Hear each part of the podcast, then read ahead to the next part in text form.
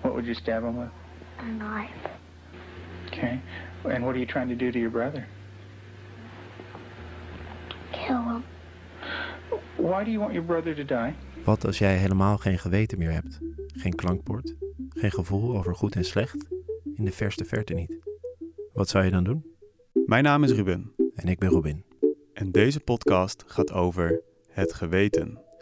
We nemen je mee in onze zoektocht naar een van de onduidelijkste fenomenen op aarde.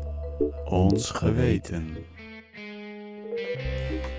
Een zoektocht door wetenschap, Het geweten is niet een op zichzelf staand iets. persoonlijke verhalen Fuck jou man, Je moet- ik moet niks. I didn't feel guilty about what I had done. Mijn, mijn geweten is eigenlijk wel hetzelfde als wat er in de Bijbel staat. en ideeën die ons uiteindelijk een indruk zullen Het is geven. een volstrekt waanzinnig idee. Als je dat zou doen. Baby's zijn dan een soort psychopaten. Psycho babies. Van dat grote, mysterieuze, abstracte en machtige mechanisme. Ah ja. Het mechanisme dat voor ons besluit over goed en kwaad. Frans, kunnen we ons geweten vertrouwen? Nee, ik zou het niet vertrouwen. Niet? Niet vertrouwen.